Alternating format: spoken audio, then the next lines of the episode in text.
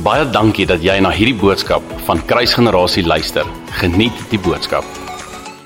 Goeiemôre familie. Vanoggend wil ek bietjie met julle share oor ehm um, Josef en ehm um, spesifiek oor die tyd toe hy Egipte toe is en en hoe hy gekom het waar hy ge, gekom het. So eers sien ons dat sy broers hom verkoop en dat hy as 'n slaaf na Egipte gaan. En ehm um, so so wat ek vanoggend wil doen is ek wil hier en daar 'n skrifversie uit die storie uithaal. Ehm um, soos wat ek graag met julle met met julle wil um, deel. Genesis 39 vers 2 sê en die Here was met Josef sodat hy 'n voorspoedige man was en hy het in die huis van sy heer die Egiptenaar gebly. So hierso sien ons eerstens dat ja, Josef is dalk besig om deur 'n moeilike tyd te gaan, maar dit beteken nie noodwendig dat die Here nie met hom is nie. Genesis 39 vers 5. En vandat hy hom aangestel het oor sy huis, dis nou die Egiptenaar, en oor alles wat in sy besit was, het die Here die huis van die Egiptenaar geseën ter wille van Josef. Ja, die seën van die Here was by alles wat syne was in die huis en op die veld. So hierdie is my is my so mooi. Ons sien dat ter wille van Josef die Egiptenaar geseën word. Um en ons sien dit op so baie ander plekke in die woord ook waar waar manne van God um waar waar ook al hulle is dat daardie mense of daardie plekke geseën word.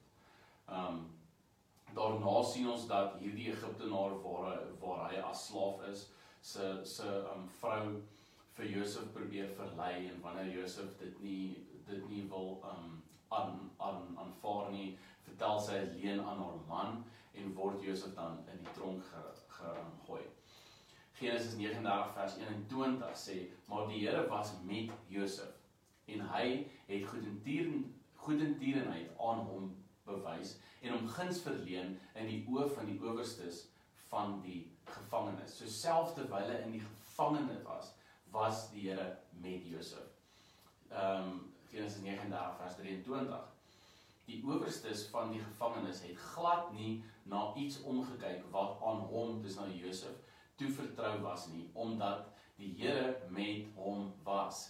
En wat hy doen, het die Here voorspoedig laat wees. Die Here was die hele tyd saam met Josef. Al het hy deur die tronk gegaan, al het hy deur die moeilike tyd gegaan.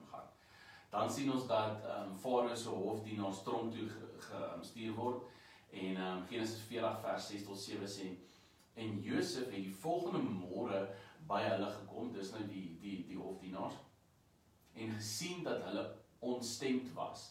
Toe vra hy die hofdienaars van Farao wat by hom in bewaring was in die huis van sy heer en sê waarom lyk julle aangesig vandag so droewig?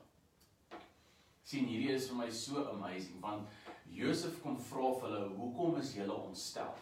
Terwyl hy self in die tronk is, terwyl hy self iets het het om ontstel oor te te um, wees, terwyl hy self iets het om homself mee besig te hou en te bekommer, soos wat meeste van ons maar baie keer maak wanneer ons deur 'n moeilike situasie gaan, dan is dit net ons en ons probleme en almal moet na ons kyk en na ons luister.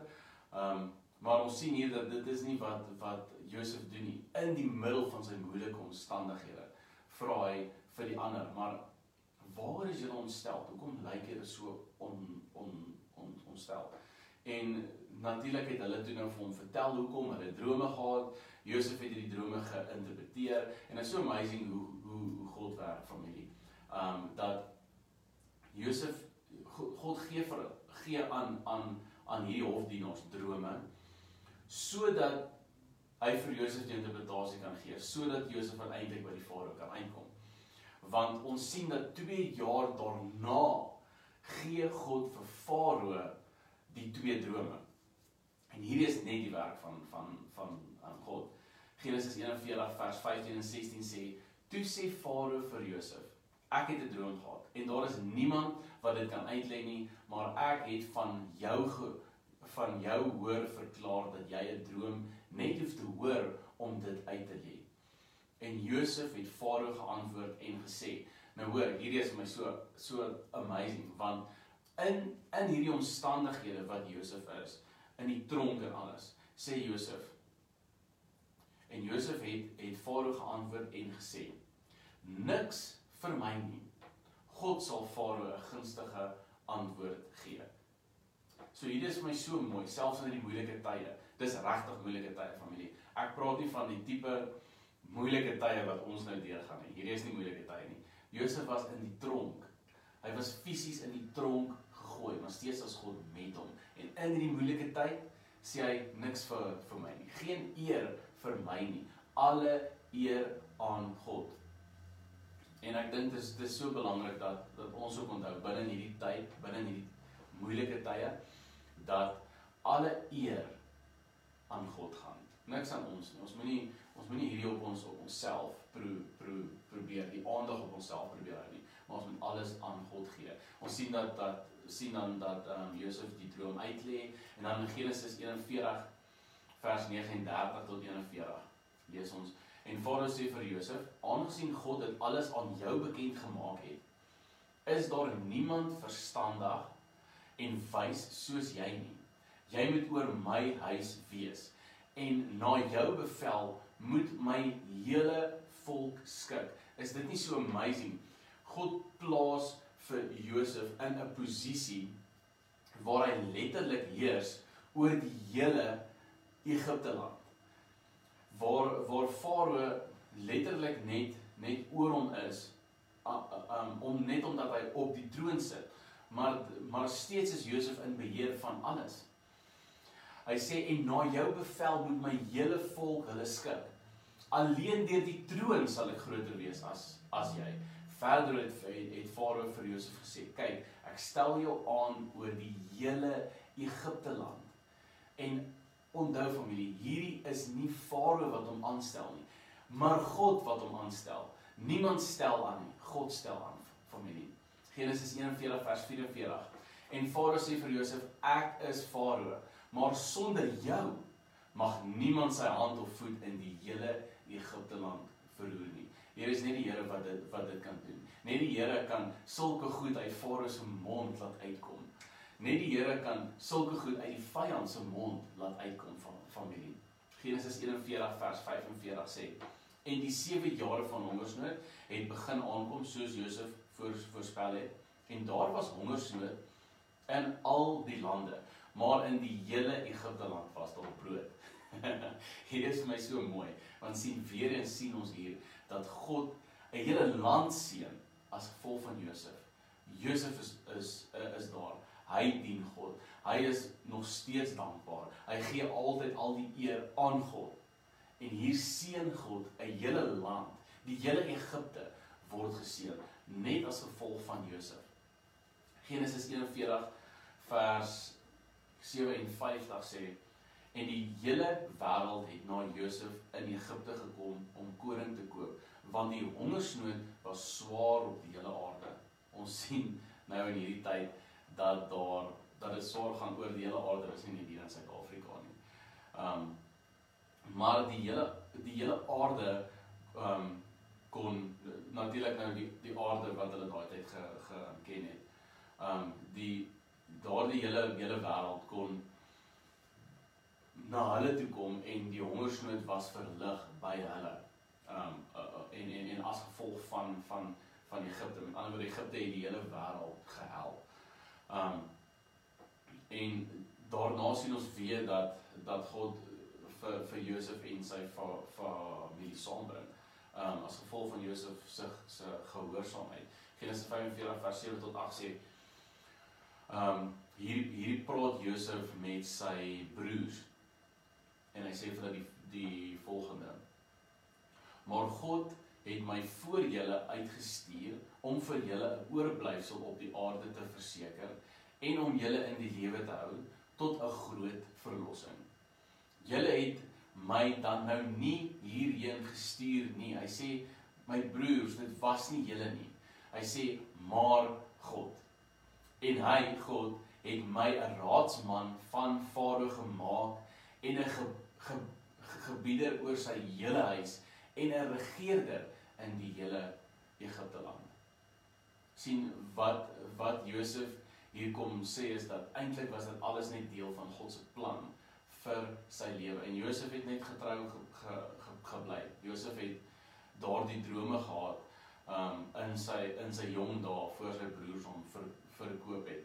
En hy het aanhou glo. Hy het aanhou glo dat God iets groots vir hom in store het. Maak nie saak wat hy deurgegaan het nie. En juis as gevolg van dit kon God hom gebruik. En familie, so ek wil julle vanoggend kom vra, vertrou net God se plan vir jou lewe. Maak nie saak wat jy deurgaan nie. Weet wat is God se plan vir jou lewe en vertrou daarop. Ek wil graag net weer um so vier goedjies herhaal. Eerstens, moenie dat die moeilike tye wat jy deurgaan in die pad staan om ander te help nie. Moenie wanneer dit met jou moeilik gaan ander se se moeilikheid miskyk nie. Daar is ander met groter probleme as wat jy het, family. En dit is hoekom jy daar is. Dit is juist hoekom jy daar is. Jy is daar om hulle te help binne hierdie moeilike omstandighede. Dit is 'n sacrifice. Dit is waarvoor God soek. Hy soek mense wat binne in hulle eie moeilikheid ander mense se probleme raak sien en hulle daarmee help en God aan daardie ander mense wys. Die tweede punt um, in moeilike omstandighede moet ons steeds aan God alle eer gee. Ons moenie toelaat dat binne hierdie moeilike omstandighede dat ons nou al die aandag op onsself wil fokus vir die wêreld wil wys hoe moeilik gaan dit met ons. Nee, inteendeel is ons veronderstel om vir die wêreld te wys hoe goed gaan dit met ons want ons dien 'n amazing God en dan vir hom alle eer te gee. Derde, ehm um, derde wil ek julle volgende vraag kom kom vra um, sal sal God vir Middelburg seën as gevolg van jou. Sal God Suid-Afrika seën as gevolg van jou. Um en en ek wil die volgende kom kom spreek. Mag God vir Middelburg en vir Suid-Afrika seën as gevolg van jou familie. En vierde, vertrou net God se plan vir jou lewe. Maak nie saak wat gebeur nie, maak nie saak waar jy gaan nie, maak nie saak hoe erg dit voel nie. Familie as, as jy vandag hierna kyk, dan beteken dit dat jy lewe. Dan beteken dit dat God jou gebring het tot waar jy is vandag en vertrou hom om jou verder te te vat. Kom ons sluit die oor. Here, vat 'n voorreg dat ons op U kan vertrou. Wat 'n voorreg dat ons kan weet U het 'n plan met ons lewe, Here. En dat ons elke liewe dag kan leef met met daardie wete en met daardie glo, Here om in geloof te bly staan en te weet dat daar is 'n God, daar is 'n Skepper van die hemel en die aarde wat 'n plan het met my, met my lewe. En Here, ons weet dat U planne sal geskied in die naam van Jesus. Amen. Baie dankie dat jy na hierdie podcast geluister het. Indien jy die boodskap geniet het, deel hom asseblief met jou vriende.